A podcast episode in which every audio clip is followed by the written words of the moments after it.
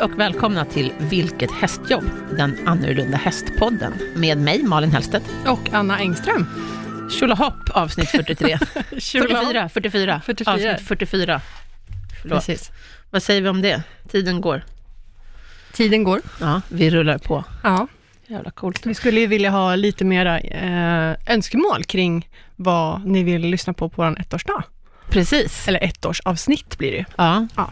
Vi kommer förmodligen göra en liksom, liten kavalkad. Mm. Så att vi kommer inte att fördjupa oss i ett ämne, men Ja, men lite blandat, beroende Ja. på vad ni, vad ni vill ha vad ni skicka gärna in kanske minnen och sånt från Ja. våran podd. Alltså om ni har om det är något ni tyckte varit extra bra så kan vi liksom ta upp det. Precis, så vi kanske till och med skulle kunna klippa ihop lite grejer och liksom Ja, publicera. kanske. Mm. Ja, beror det ska bli på kul i vad alla ni fall att se Ja, vad ni vill. vad vi gör. Eh, och idag tänkte vi ta upp en lyssnarfråga också. Det kommer vi absolut göra. Mm. Eh, Men först, Men först, sociala medier. alla våra sociala medier. För vi finns ju överallt där poddar finns och prenumerera på våran podd. Det är fortfarande gratis. Ja, jag tror det aldrig kommer bli betalt. Fast jag vill säga varje gång att det är gratis. Ja. Det spelar ingen roll att du säger Nej. så. Jag kommer fortsätta säga så. Ja.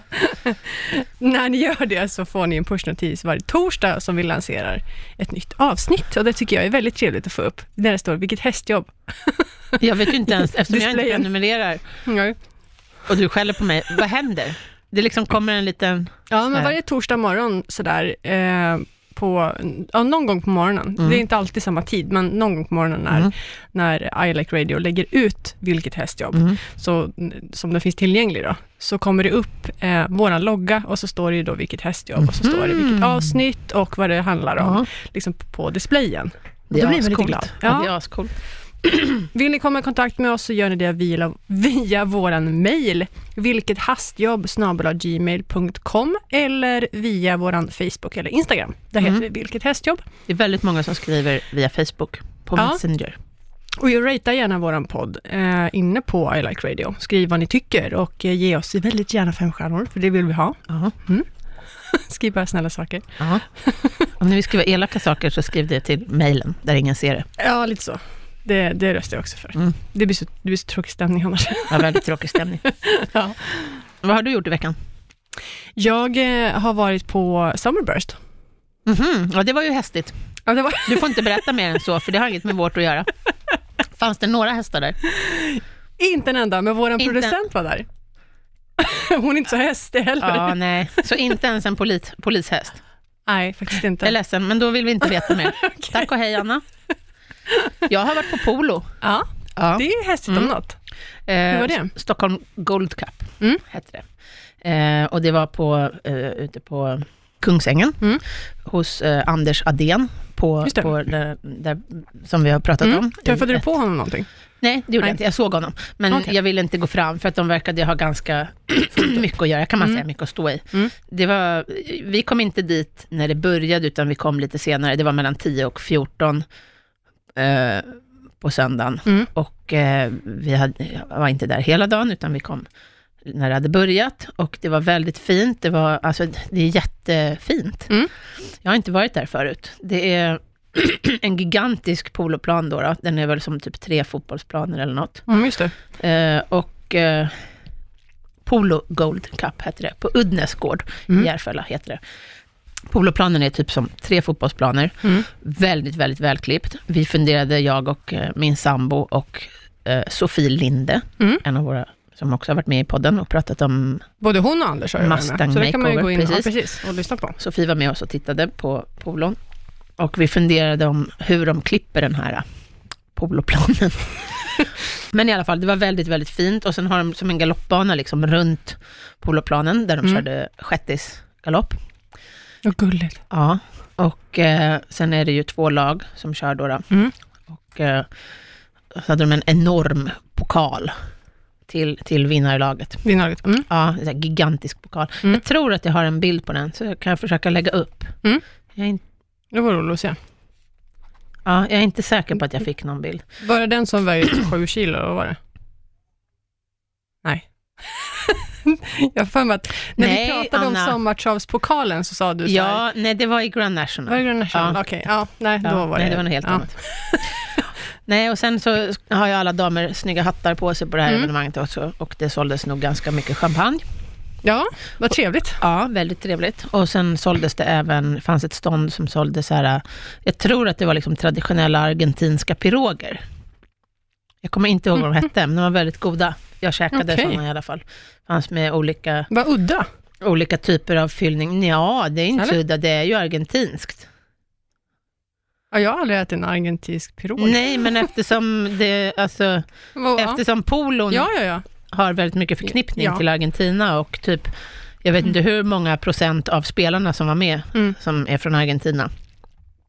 Mm. Och de har ju Mm. Folk som jobbar här. Ja, det, det är mer logiskt kanske än att de skulle stå och servera tacos. Eh, ja, jag skulle tro det ja. Ja. Och sen så fanns det ett ehm, stånd som sålde sadlar och Mm. som sålde lite inredningsgrejer och eh, poloklubbor såklart. Mm. Och polobollar. Min Mm. röst låter bedrövligt, jag ber om ursäkt för det. Har du gjort någonting annat då? Har du gjort någonting hästigt den här veckan? Förutom att vara hemma i mitt eget stall. Mm.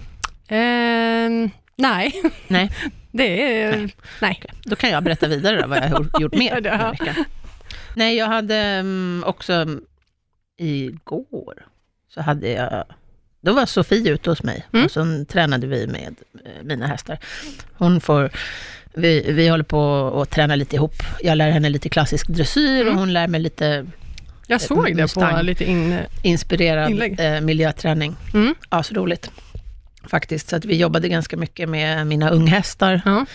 Eh, en treårig hingst som Mm. vi bland annat höll på med paraplyer och ehm, sen hade jag lagt upp en väldig massa bildäck, Mm. gamla, så bara själva däcken tycker jag är en jättebra övning som jag gör med väldigt många av mina hästar för att lära dem att gå igenom konstiga saker och eh, ah, att inte vara så rädda för, liksom, ja, men många hästar är till exempel rädda för vattenpölar Mm. eller om det är ett löv på marken. Mm. Och då har jag varit på den lokala däckverkstan och fått en massa begagnade däck. Som de ska kliva igenom. Mm. Mm. Ungefär som på så här um, utomhusgym för människor, så kan man ju så springa, Springa, i däck. ja. Ja. fast jag brukar börja då med att jag lägger däcken med lite mellanrum, så att hästarna kan gå i mellan däcken, Mm. så att de inte måste trampa i själva däcket. För att om de eh, blir rädda och rycker, rycker bakåt, eller kastar Mm. sig baklänges, så kan de få med sig liksom däcket, om de har trampat ner Ja, i ja, det. precis. Men om de är trygga och säkra, då är det inga problem sen. Nej. Så att när de är säkra sen, då trycker jag ihop alla däcken, så får de kliva Mm. i dem. Vad ska jag använda till Winnie? För jag tänker ett, ett tra- Cykelslangar kanske? Nej då, men det går faktiskt med de stora däcken också. Silver, min lilla, Mm. han är ju bara 78 centimeter. Han är Han- ännu mindre. Ja, han Ja. är ännu mindre. Han skuttar i de här däcken. Han går, han går igenom Ja, precis. däcken. Som man ställer dem på högkant. Mm. nej då, nej men det går faktiskt jättebra. Han, han får ju lyfta lite högre på benen, då, Ja, men det precis. går alldeles utmärkt för Ja. honom också. Ja. Så det är en jättebra övning tycker jag. Mm. Eh, Lite balansövning i det, skulle jag nästan säga. Ja, det kan man säga. Och sen har jag även en, eh, en, en pall. Alltså jag jobbar ju mycket med pallar. Till Mm. exempel, en, man kan ta en lastpall som man lägger en, en förstärkningsskiva på, som Mm. man kan träna dem att gå på. Det var så vi lärde Winnie gå i trappor. Exakt, då byggde vi en trapp av lastpallar. Ja. Mm. Men här har jag också gjort en som, där jag sågat itu på längden, Mm. så att den är väldigt smal. Den är bara, vad kan det vara? Hälften av en lastpall. Nej, ja, max. Ja, kanske 40 centimeter bred, max. Mm. Det är ganska smalt för en häst att gå på. Ja, så där måste de liksom balansera lite grann, Mm. För annars ramlar de av. Mm. Så den är kanske två meter lång drygt, två och en halv meter lång och Oj. eh, 40 centimeter bred. Och den går de på sen. Mm. Mm. Ser ut som en spång, skulle man Ja. kunna säga. Och det krävs ju lite träning. Mm. För Silver är det inga problem. Nej, För honom är det en jättebred landgång. Men för de stora hästarna så är det lite knepigt. Ja. Hur högt då? Jag antar att det inte är två meter ovanför marken. Nej, nej, nej, nej, den är bara en lastpall hög, så att den Ja. kanske är mm, 15 centimeter hög. Ja. Mm. Och sen eh, en annan jättebra, billig eh, grej som jag använder mig mycket av, det är såna här eh, pool noodles, flytpinnar. Va? Fly, flytkorv står det i Sverige, men, eh, står det på så svenska sidor, men, eller flytpinne. Flytkorv tycker jag låter så fult. Men det är som en frigolit eh, pinne. Okej. Mm. används liksom gärna i så vattengym och eh, Okej, ja. mm, jag- vad kan den vara, en och en halv meter lång och kanske en decimeter max i ja, ja, diameter. ja. Mm. Som en rund pinne liksom, Mm. fast i frigolit. Eller Mm. eh, det är inte frigolit, men någon sorts... Skum, är inte det skumgummi? eller någon sorts, inte skumgummi, för då hade den sugit åt sig vatten, men någon form av sån här Ja, flytskumaktig. Ja. Mm. Ja, jag tror att folk vet vad jag menar, i kulörta färger. ja, just det. Röda och gröna och allt möjligt. Mm. De där är jättebra, tycker jag, för de kan man både ha liggande på marken Mm. och låta hästarna liksom springa på. För, För- för de gör med sig liksom. Ja, Mm. alltså om man använder vanliga bommar, de är ju hårda och ligger still, så då är det ungefär som en stock, så att Mm. hästen lyfter på benen om den slår i den och springer över den. Men om de råkar toucha den här, då far den ju liksom omkring. Mm. Och trampar de på den så mm, liksom sjunker den ihop och viftar lite med ändarna, Mm. så att säga. En orm. Ja. Så att jag tycker dels att de är bra att ha liksom liggande på marken, Mm. eh, och eh, longera över dem. Men sen kan man även använda dem som, eh, alltså till eh, eh, att göra dem liksom vana vid att man klappar dem med olika konstiga saker. Jag brukar Mm. klappa dem med IKEA-säckar och papperspåsar och allt möjligt. Men Mm. man kan även använda de här, så att man står liksom och viftar liksom med dem och klappar hästen överallt. Mm. Och, och då är jag noggrann med att verkligen klappa överallt. Under magen, mellan bakbenen, längs med benen, Mm.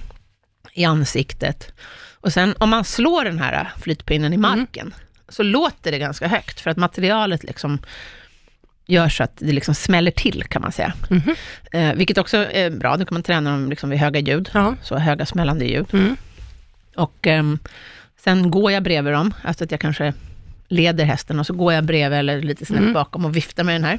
Mm. Framför kan jag gå med den också. Mm. Sånt gör vi ju även med flaggor såklart. Och så. Men de här är väldigt bra. Och sen brukar jag, eh, när hästarna är väldigt trygga med de här, då brukar jag sätta fast dem till exempel i sadeln, i Mhm. stigbygeln eller något. Ja, Så att den hänger ut liksom lite grann från hästen. ja okej. Och så Typ en skalm, fast en mjuk skalm. Ja, en Mm. skackel Mm. ungefär. Precis, skulle man kunna säga. Mm. Fast den är mjuk, exakt. Mm. Så att um, antingen då så sätter jag den så att den hänger i luften, eller så kan jag sätta den så att den liksom hänger och släpar lite grann. Och har jag en häst som jag vet är känslig, och om jag är det minsta lilla osäker, då brukar jag ha ett tunt snöre fäst i den här, Mm. så att jag kan rycka loss den om hästen blir rädd. Ah, smart. Ja, Mm. så att det inte sker någon olycka. Det är alltid bra Mm. att tänka på. Så att den inte, grejen när man sätter fast var hästarna sitter där. Liksom. Exakt. Och så, sen brukar jag longera dem med de här. Mm. Och då hoppar de och far, och, och inte hästarna, utan flyttpinnarna hoppar och far och studsar och svajar. Och blir hästarna vana vid. Saker Såna runt omkring dem i alla fall. Ja, det är skitbra. Sen kan man ju kombinera det här, så att Mm. jag longerar dem med de här flytpinnarna på sadeln och så longerar jag dem genom däcken och över broar och pressändningar och allt Mm. möjligt. Jag kan lägga upp lite bilder. Mm. Så att miljöträning deluxe, Ja, skulle man verkligen. kunna säga. Ja. Mm. Spännande.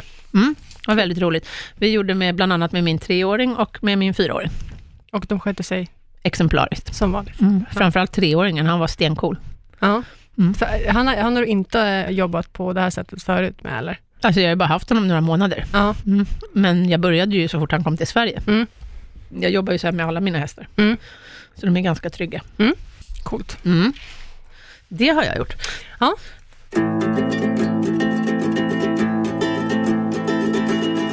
Men idag tänkte vi prata om något helt annat höll jag på att Ja. säga. Eller inte alls något helt annat. Men vi har fått en fråga från en lyssnare som undrar hur man på ett bra sätt kan träna sin äldre häst. Mm.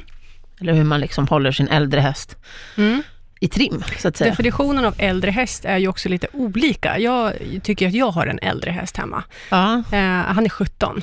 ja, och det är många som kanske tycker, jag tycker kanske att 17, när då börjar de bli äldre. Mm. Men jag tycker inte att 17 är en extremt hög ålder. Men, men det är klart, för en travhäst så är det ju ganska gammalt, för han får, Om man inte, kan starta som han får ju tvååring. inte ens... Eh, Då är ja, ju 17, alltså för mig är det gammalt. ja, nu finns det ju förvisso ridhästar som startar som tre och fyraåringar, så Mm. de är inte så långt efter. Men framförallt så får ju inte travhästarna tävla längre än Nej. till, är det 12 eller 13? 12. 12, Mm. ja. Så att han, han har ju ingen karriär längre. Nej, nej, nej. Nej. Nej, inte så. Jag har två hästar hemma som är äldre. Den ena är 19 Mm. och den andra är 25. Mm. Och båda de två är, skulle jag säga, är tämligen Bra skick. bra skick. Exakt. Ja. Och tämligen bra trim. Mm. Jag skulle säga att de är mer vältränade än många eh, medelålders och yngre hästar Mm. faktiskt. Eh, Ganador då, som är 19 år, han tävlar fortfarande i Working Equitation. Han tävlade förra året, han har inte tävlat i år, Mm. för han fick en senskada i höstas. Och eh, om, då kan, kan vi ju gå direkt in på det här med skador till exempel. Mm. Eh, jag tycker ju att med en äldre häst så måste man vara ännu noggrannare Mm. än med en yngre häst.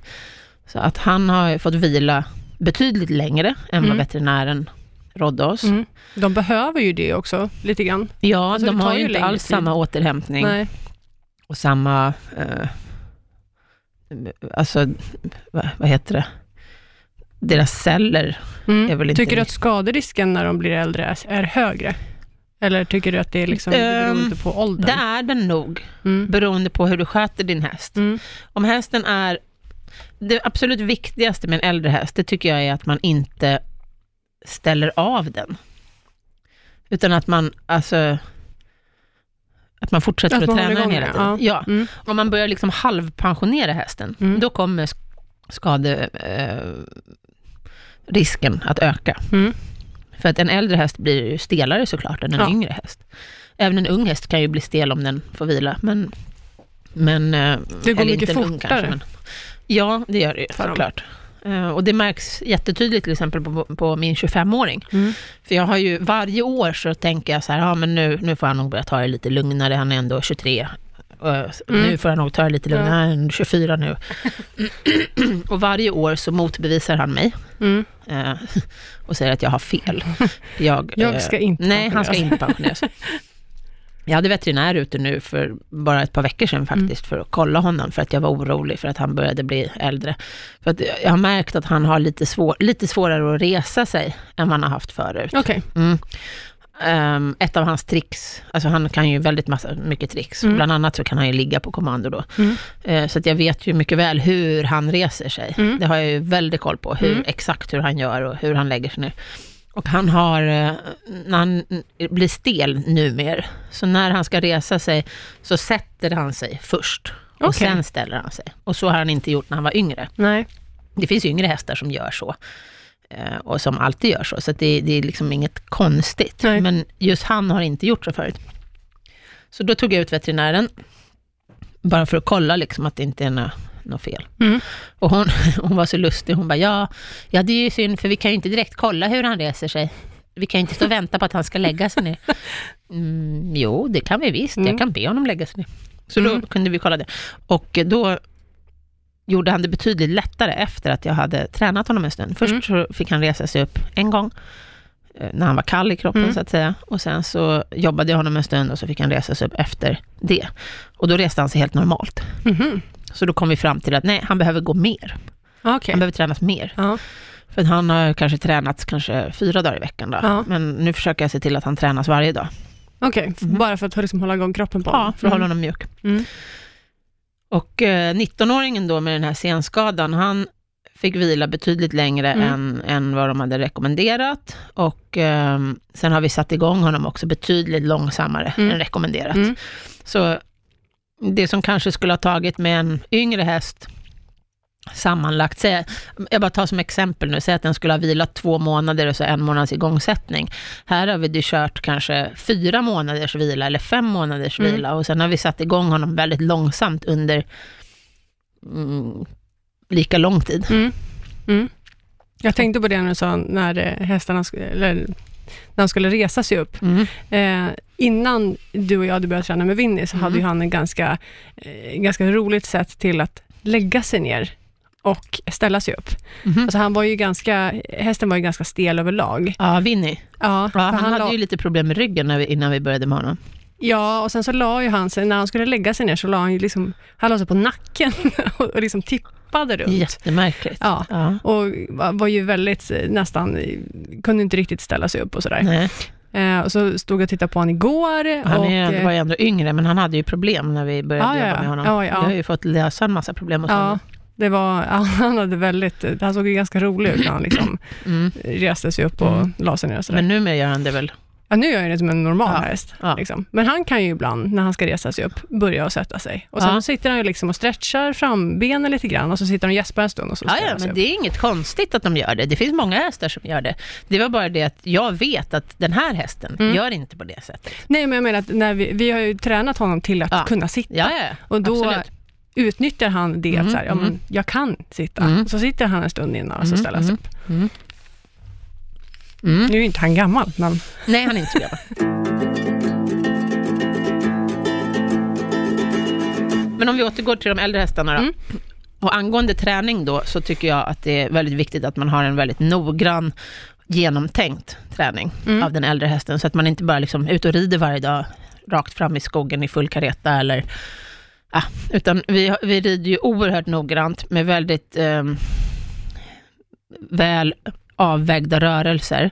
mm. Jag jobbar ju med klassisk dressyr, så att det är väldigt mycket baserat på skolor, alltså öppnor, slutor, förvänd, öppna, förvänd, sluta, som är um, sidvärtsrörelse skulle man kunna säga om man ska förenkla det hela, Mm. där man jobbar med, eh, syftet är att väldigt mycket lösgöra bäckenet och Mm. höfterna och få hästen att trampa under sig lite mer och få över lite grann av vikten till bakdelen. Så att hästen blir, en, en häst i naturen, en, eller en häst som står utan ryttare, har ju ungefär 60 procent av sin vikt på framdelen. Mm. Och när man sätter upp en ryttare så blir det ytterligare viktförskjutning till framdelen. Mm. Så att det man jobbar med, det är ju att eh, balansera om hästen, så att man får närmare 50 procent. Bak, Bak och 55. fram. Mm. Ja, det är ju en utopi, men det är liksom det man vill. Mm. Få, att fördela vikten jämnt över de fyra benen. Och det gör man då med de här skolorna. Och det är vi extra noggranna då med den här äldre hästen. Mm. Så att även om vi rider ut med honom, Mm. så jobbar vi honom hela tiden i skolor. Så att han eh, lägger lika mycket vikt på alla fyra benen. Och att vi gymnastiserar honom väldigt liksidigt. Mm. Att man alltid tänker, att man inte tänker ah, en höger sida och en vänster sida, utan att jag tänker att han har en innersida och en yttersida Mm. åt båda hållen. Just det. Och en innersida är åt det hållet hästen är böjd. Mm. Så det har inget med höger och vänster att göra. Utan när hästen är böjd åt höger till exempel, då är höger sida innersida och vänster sida yttersida. Då kommer han att korta muskulaturen på högersidan och länga muskulaturen på vänstersidan. Mm. Och sen kan jag böja honom åt vänster, då är vänster sida innersida och höger sida yttersida. Mm. Det är mycket, du jobbar mycket med gymnastik med Ja. de äldre. Och då är jag väldigt noggrann med att tänka att innersidan ska Mm. kännas likadan i båda varven. Och yttersidan ska kännas likadan i båda varven. Mm. Så jag tänker inte att högersidan ska kännas likadan åt båda hållen Ja, just det. och vänstersidan likadan åt båda hållen. Det är en väldigt stor skillnad. Mm. Så det är jag väldigt noggrann med. Och ehm, sen tar jag med mig det här in i alla rörelserna jag gör. Mm. Så att när jag rider den högeröppna, så är jag väldigt noggrann med att känna att innersidan känns likadan i den här öppnan som Mm. den gör i vänsteröppnan. Mm. Och att yttersidan känns likadan i högeröppnan som i vänsteröppnan, Mm. så att säga. Eh, det här är jag noggrann med med alla hästar såklart, men extra noggrann med de äldre hästarna. Mm. Så Min travare som nu är då 17, som jag tycker Mm. är eh, till åren i alla fall. Eh, han eh, rids ju inte e- egentligen. Jag brukar inte rida honom, för att det är då han brukar få träningsvärk. Mm. Han är ingen ridhäst egentligen. Nej, men han körs. Han körs och Ja. han, han joggas och eh, jag ska inte säga att han körs fort, men han tränas liksom. Mm, Det är den, Han hålls igång. Ja, jag, brukar, jag och min pappa brukar säga att det är nog den mest vältränade 17-åringen i alla fall. Mm, Liksom. mm. Och det tycker jag känns... 1700 travhästen. 1700 travhäst, ja. Men eh, eh, just med rid, eh, att, att, varför jag inte väljer att rida honom är för att det är då han Eh, dels så blir han extremt spänd, för att Aha. det är det han aldrig gör. Nej, han Och- har inte den utbildningen. Nej, och Nej. då tänker jag, då kanske man ska med, med en äldre travare bortse från det då, om han inte, Absolut. liksom inte är van, för det är nästan att störa honom ännu mer. Ja, absolut. Jag kör inte in. Jag har inte tänkt att jag ska köra in min 25-åring. För Nej, det hade ju varit också jättedumt. mycket skaderisk tänker jag Ja, också. ja. Att det kan jag bli... jobbar honom um, likadant som han alltid har gjort och gör inte så mycket nytt.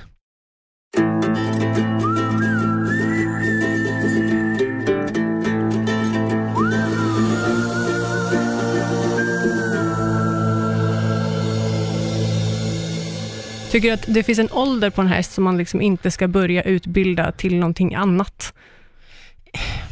Egentligen inte, men eh, det är nog utifrån individ Mm. faktiskt. Det är precis som när vi pratade avel med Anita Rostner, att eh, man kan betäcka ett sto om den är 25, beroende på hur den är i det fysiska skicket. Det finns Mm. 25-åriga hästar som är i bättre skick än 10-åriga hästar. Så att jag skulle säga att det beror på både skallen och eh, den fysiska formen. Mm. Men eh, som till exempel inkörning då är ju en ganska rejäl procedur. Det är ganska avancerad grej Ja. om du ska börja köra in en äldre häst. Så det kanske är lite onödigt att göra med en 25-åring kan jag Mm. tycka. Men eh, ja, men alltså funkar det så funkar det. Ingenting är väl omöjligt, men... Nej, så är det. Men man ska vara försiktig med en äldre häst, Ja. precis som en äldre människa. Alltså lederna är stelare, ligamenten är stelare. Mm. De har inte råd att sträcka sig. Nej, definitivt inte. Nej, alltså det kan vara det sista de gör. De kanske aldrig Mm. återhämtar sig från en sträckning eller en senskada, därför att, eh, Nej, så är det alltså vad heter det, eh, vävnader och sånt Mm. klarar inte av rehabiliteringen helt Nej. enkelt. Ehm, jag är också noggrann när jag tränar mina äldre hästar, att, de, eh, att jag jobbar dem väldigt mycket i skritt. Mm. Och inte skritt då på långtyger, utan jag jobbar dem i skritt, i de här skolorna hela tiden. Mm. Men de kanske får en längre uppvärmning i skritt än vad de yngre hästarna får. De kanske behöver det också. Ja, ja. Mm. Oh, ja. Eh, sen, jobbar jag inte, sen rider jag inte jättelånga pass heller på de äldre hästarna. Så jag rider hellre kanske en halvtimme Mm. effektivt, än att jag rider liksom en timme på en äldre häst. Mm. Och som Faj till exempel, han som är 25, han har ju dessutom kissing spine, han är hopvuxen i ryggen Mhm. eh, bakom sadeln, så att han är ju naturligt ganska stel i sin rygg. Mm. Han, han gör allting. Han gör Mm. piaff och han gör passage och han gör galoppombyten och piruetter och allt sånt. Tack vare att han är så väl gymnastiserad så klarar Mm. han av alla de här rörelserna ändå. Men det måste jag ju också tänka extra mycket på. Men gör, gör du några speciella stretchövningar med honom? Som, eh, Nej, det gör jag inte. Nej. Utan jag jobbar honom konsekvent och noggrant. Mm. Och mina elever som rider honom jobbar honom utifrån mycket specifika liksom, regler, Mm. hur han ska röra, gå. Mm. Ehm, En liten sidostickare på det. Hur fick du veta att han hade det? Men var det någonting du märkte Ja, när du det märktes. Det väldigt märktes. Mm. tydligt. Ja, alltså det märktes att någonting inte var som det skulle. När jag fick honom så hade han väldiga problem med eh, sin mekanik. Han rörde inte sina bakben alls korrekt. Okej. Han, han såg ut som att han var framhjulsdriven. Mhm. En häst ska ju egentligen vara bakhjulsdriven. Mm. Alltså att bakbenen driver och Ja, frambenen... Mm. Motorn bak. Ja, exakt. Och frambenen bär upp framdelen. Liksom. Mm. Men han såg ut som att han drog sig framåt i frambenen och att bakfötterna var som typ två stödhjul. Oj. Han hade väldigt problem med galopp till exempel och han eh, hade väldiga problem med galoppombyten. Mm. Så att vi utredde honom, eh, hela hästen och eh, röntgade ryggen på honom Mm. uppe på Ultuna.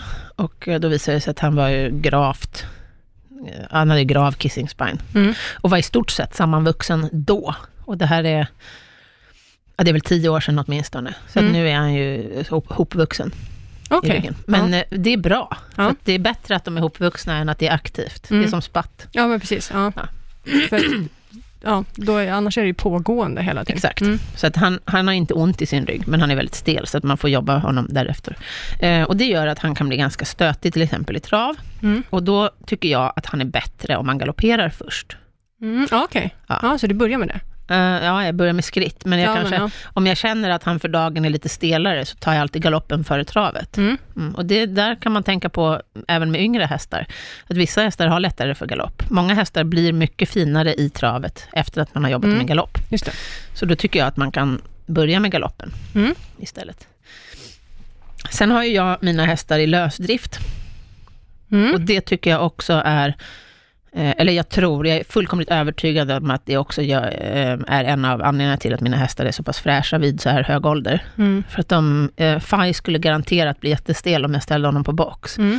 Och det här märks ganska tydligt till exempel när han gör, eh, när han gör uppvisningar, för han gör ju fortfarande uppvisningar. Mm, bland annat så har han varit Pegasus på Mm, det. Stockholm Horse Show de två senaste åren. Och då står han ju installad i box inne på Friends Arena Mm. i nästan en veckas tid.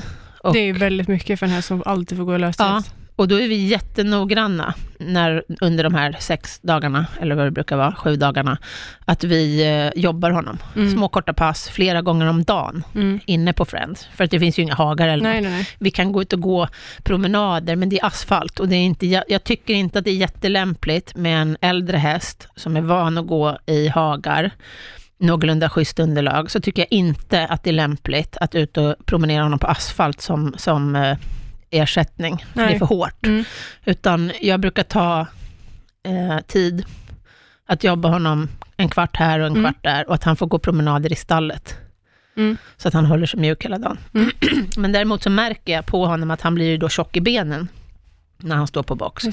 Han blir inte jättestel, det blir han inte. Han klarar sig ganska bra. Och, eh, men däremot så märker jag att han blir liksom gallig och fylld i sina ben. Och det är han inte annars, Nej. utan han är jättefin i sina ben. Mm. Mm. Jag tänker på eh, hästar som eh, man byter box på för att de inte trivs. Mm. Jag har ju då en häst hemma som eh, inte tycker om att gå ute dygnet runt. Även om man är äldre så Mm. eh, liksom, Ja, det finns de som inte tycker om det. nej, men eh, tycker ändå att man ska, fast de blir äldre, byta taktik och ha dem ute hela tiden? Nej, det tycker jag inte. Hästen måste själv få välja. Mm. Absolut. Mm. Jag tycker inte man ska tvinga en häst att gå i lösdrift om den inte trivs med det. Nej. Nej, Det Nej det stått- tycker jag inte. Det, det, jag Där- märk, det jag märker på våra hästar Mm. när vi har tagit hem dem, Mm. det är ju också att eh, eftersom man är hemma i princip hela tiden, Mm. eh, och om jag inte är hemma så har jag ju då mina föräldrar som kommer och tar in Mm, liksom, mm. på kvällen och så vidare.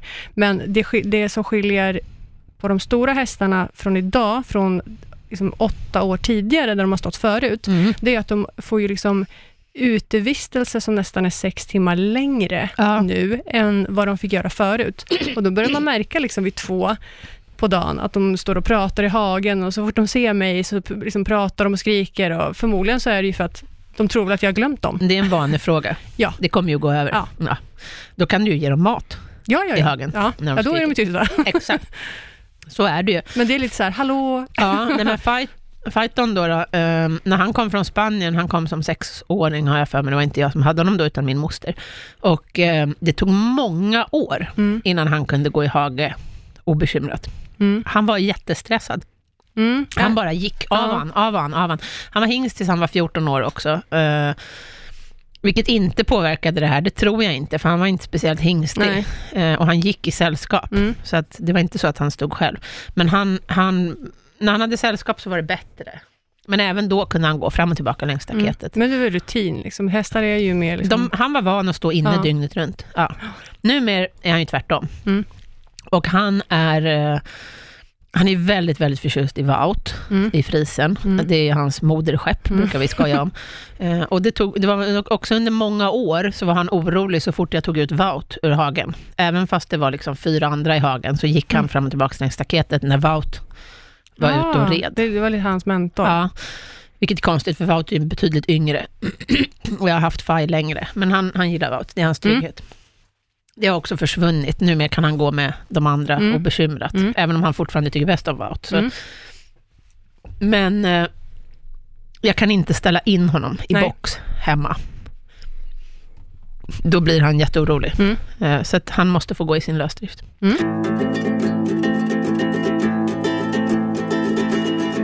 Ehm, jag är också väldigt noggrann med hovvården på en äldre häst. Ja. Se till att de aldrig blir snea. Nej. I och med att de är stelare i ligament och leder så är det extra viktigt. Mina hästar är ju barfota så jag kan ju hålla efter det här Mm. själv. Men om man har en skodd häst så tycker jag man ska vara extra noggrann och kanske Mm. skor den hellre för ofta än för sällan. Mm. Vi brukar ju sko våra var fjärde vecka ungefär. Ja, det är ju väldigt tätt. Ridhästar skos ungefär var sjätte till åttonde. Mm. Men att man är noggrann med det. Mm. Ehm, och foder kan ju vara bra att prata om också när det Mm. gäller det. äldre hästar. Mina hästar får bara hö, Mm. eller hösilage. Mm. Jag har ju inget kraftfoder till mina hästar, Nej. utan de har i stort sett fri tillgång. Inte, rikt, inte alla, för vissa blir för tjocka. Men de äldre hästarna har fri tillgång. De får Mm. äta så mycket de vill. Mm. Och Faj får även mash, Mm. eh, typ som en gröt Ja. som man blöter upp Mm. med, med kokande vatten. För det gör att han kan tillgodogöra sig höet bättre. Okej. Ja. Tycker du att de blir tunnare ju äldre de blir? Liksom? Det är lättare för dem att falla ur, Ja. så är det. Mm. Man måste ju hålla efter tandstatusen också Mm. såklart. Mm. Eh, jag kollade hans tänder i höst, nej i våras var det, var inne på klinik och han hade jättefina tänder. Mm. De Mm. ville inte göra någonting. De, det var typ en liten flisa som de raspade av, men Ja. inte mer. Så att man måste hålla efter tänderna och så, att, så att de kan tugga bra. Um, börjar de få, problem med att tugga maten, så kan man klippa höet till exempel, Mm. med sax, så att det blir mindre. Och eh, får de ännu mer problem så att de inte kan äta strö, stråfoder, då kanske man får gå över på pelleterat stråfoder. Mm. Det finns. Det finns ju så otroligt mycket foder nu Ja. för tiden. Men Faj får i alla fall mash och lucerne, alltså Mm. hackad lucerne, får han som tillskott. Det är inte alltid han behöver det, men om jag ser att han har fallit ur lite grann, då får han där tills han har liksom lagt på sig igen. Mm. Och han brukar inte ha problem med att hålla hull, men ibland faller han ur lite Mm. grann. Men det finns, det finns ju en uppsjö med olika foder. Så att min rekommendation är att man, att man ringer en, eh, en eh, talesperson för det märket man tycker är bra, alltså Mm. en kontaktperson, och frågar vad de har för seniorfoder. För det finns ju till exempel seniormüsli och Mm. allt möjligt. Mm. Det finns även nu mer så pelleterat hö, till exempel, Mm. och pelleterat gräs. Inte bara pelleterat lucerne, utan det finns liksom hö, pellets och Mm. sådär. Och det är väl i första hand, tror jag, framtaget för tävlingsfolk som Mm. kanske har platsbrist när de reser. Men det funkar alldeles utmärkt i äldre hästar. Mm. Det, det vi brukar göra om vi hade, eller ja, när man jobbade på travstall, Mm. så brukade de komma ut, till och med, de som eh, Mm. gör fodret. Ja, ja. Och om Mm. man hade någon speciell häst som kanske inte la, på sig som den skulle, eller Mm. man inte visste hur man skulle fodra, så kom de ut och tittade på ja, hästen. det är jättebra. och hjälpte den liksom, Mm. med foderstater. Det Mm. tycker jag är en, en bra tips för Absolut. de som kanske här, inte alls kan alla konstiga termer och grejer. Liksom. Absolut. Jag det beräknar aldrig foderstater. Nej, Ehm, många gör ju det och tycker att det är bra. Jag har alltid hela mitt liv fodrat med ögonen. det, ja, det Ja. jag med. Min mamma blir helt galen på mig, för hon är så här, Hon "Ah, räknar. Ja, hon, Ja. De, de måste räkna. Liksom. Det, är, det är på kilot verkligen. Mm. Och jag är ju verkligen sådär, jag har ju fodrat alla hästar genom åren med ögat. Ja. Sådär. Men Så det, är ju en smak, jag, tror, ja. jag tycker att det är en smaksak. Och om, är man, om man tvivlar på sin egen kunskap och om man inte är riktigt, om man inte är tillräckligt duktig för att kunna se och avgöra om hästen är i bra hull, då är det säkert jättebra att komplettera Mm. med att beräkna foderstaten. Absolut. Men på äldre hästar, där måste man vara extra nog. Där får man inte fastna heller i att man beräknar. Den, den får precis det som står här på pappret, utan man måste titta och känna och se Mm. efter och om man inte känner sig säker själv, då får man ta någon till hjälp. Och fråga. Ja, som Mm. kan titta på hästen och säga om, den, om den ser okej ut. Mm. För det, i båda fallen, både om man fodrar med ögonen eller om man beräknar, så måste man vara öppen för det andra också. Mm. Alltså så att man inte fastnar, Nej, det är farligt. så att att säga. fastna. Utan att man alltid är öppen för, för andras Mm. eh, in, Inputs, input liksom. också. Mm. Precis. En annan sak jag kan ta också. Mm. Tecken till exempel. Ehm, jag har ju inte så mycket tecken på mina hästar eh, i och med att de går i lösdrift. Men Faj har jag märkt nu när han börjar bli lite äldre. Han, han kan bli lite förkyld på vintern. Är han lite frusen? Mm, Nej, jag, tyck, jag tycker inte att han är frusen, men han har blivit förkyld ett par gånger. Så Mm. med honom har jag tecken på Mm. vintern. Mm. Eh, Han får en gigantisk päls. Mm. Men jag har ändå tecken, för jag vill inte att han ska bli, jag vill inte att han ska bli kall. Nej. Även om han aldrig visar att han fryser, så vill jag inte att han ska bli kall. Nej. Eh, jag vill inte att han ska bli blöt och stå och vara genomblöt, Nej. för att han, hans äldre kropp klarar inte riktigt av att hantera det. Så att han får ha tecken på Mm. vintern. Och ehm, när han är med på Friends, då rakas han. Mm. Och då har han eh, massor med sto- stora, tjocka, fina, Ja. gossiga tecken sen. Så det kan också vara en sån där sak att tänka på, att en äldre häst kanske faktiskt behöver ett extra skal. Så är det. Även om den har klarat sig alldeles utmärkt tidigare. I alla andra år. Ja. Ja, fan jag har klarat sig ypperligt i alla år, men Mm. numera behöver han extra skydd. Mm. Ja, Så det två, tycker jag. Två, två stycken hemma som är lite mer känsliga Mm. än eh, alla andra. Mm. Så då får man ju liksom ta hänsyn till Och det är bara. inte alls säkert att det är den tunna fullblodshästen Nej, som är den frusna. nej, nej. Alltså jag har haft sådana här akalteker till exempel, eh, turkmenskt fullblod. Jättespensliga Mm. hästar, de ser ut som, som vinthundar Ja. med ganska tunn päls. De frös inte överhuvudtaget. nej. Så de kunde gå utan, och sen kan jag ha kanske en, eh, ett spanskt utegångsfår, höll jag på att säga. Nej men PRE kan sätta jättemycket päls. Ja. Men eh, då har jag haft liksom någon sån här PRE som har haft sån här gigantisk jättetjock päls och ändå stått där och huttrat. Mm. Så det är inte alltid pälsen det hänger på, utan det, är- det är individen. Individen, Ja, ja. det är individen. Mm. Och så är det ju hos människor också. Mm. Absolut. Ja. Vad Härligt. bra. Jag hoppas att ni har fått massa bra tips nu för att ta hand om era äldre hästar. Ja, Ja. det tycker jag. Ses vi nästa, hörs nästa Vi vecka. hörs nästa Ja. vecka. Tack Ha för idag. Hej då.